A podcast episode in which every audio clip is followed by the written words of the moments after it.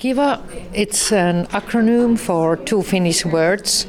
Kiusaamista vastaan. Programmas nosaukumu Kiva, jeb no somu valodas divu vārdu savienojumu, kas latviešu nozīmē pret pārdarījumiem, skaidro programmas autore, Turku Universitātes psiholoģijas profesora Kristīna Selmi Valī no Somijas. So, Kiva skola. Kiva skola ir jauka un draudzīga skola, bet vienlaikus arī skola pret bulingu. Latvijā bulings jeb ņirgāšanās ir liela problēma. Pierādīts, ka bērni un pusauģi, kuri cietuši no bulinga, daudz biežāk piedzīvo dažādus psihiskās veselības traucējumus. Pētījumos konstatēts, ka pārdarījumi veicina priekšlaicīgu mācību pārtraukšanu. Latvijas skolās, salīdzinot ar citām valstīm, ir viens no augstākajiem neataisnoto kavējumu rādītājiem. Apzinoties problēmas sekas, Latvijas skolās piedāvās vienotu rīcības plānu. Tā būs Kiva programmas īstenošana. Katrs trešais skolēns kaut reizi mēnesī ir izjutis teiksim, bulingu. Tas ir 15 gadus veco skolēnu vidū. Līdz ar to īstenībā mums ir jādomā par tiem risinājumiem, kādā veidā mēs to situāciju mainām.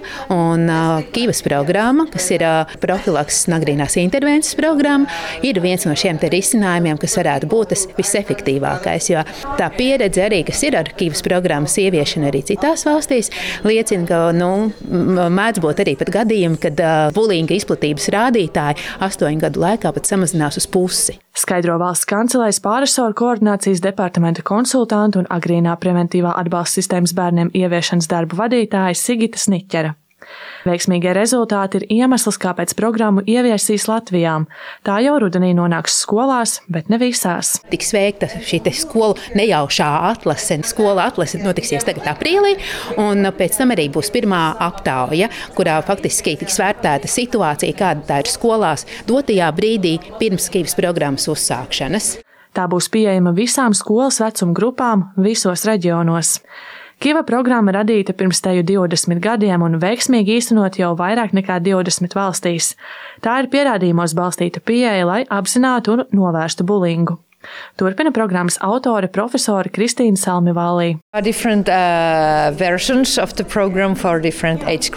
Programmai ir dažādas versijas atkarībā no vecuma grupām, atšķirīgas versijas mācību stundām, kā arī dažādas versijas tiešsaistes spēlēm un citiem materiāliem. Gadu gaitā mēs esam veikuši jaunus pētījumus, saņēmuši atsauksmes. Pirms pāris gadiem mēs uzlabojām programmu. Uz jautājumu, kāpēc tikai tagad šo programmu ieviešam, izglītības un zinātnes ministra Anna Čakša no jaunās vienotības nespēja rast atbildi. Tas, ko mēs redzam, ka tiešām mēs neesam nu, būtībā laicīgi sapratuši, ka vide skolā ir viens no svarīgākajiem arī tieši mācību procesa kvalitātei, kvalitātes nodrošināšanai. Un patiesībā šis rīks, kas ļauj profilaktiski strādāt uz skolu vidi, ir ļoti svarīgs. Sākotnēji, gan tas, protams, ir pilotā iztestējot skolās, kā tas strādās. To, cik šī programma valstī izmaksāja, nevarot atklāt, norādīja valsts kancelējā. Linda Spundiņa, Latvijas radio.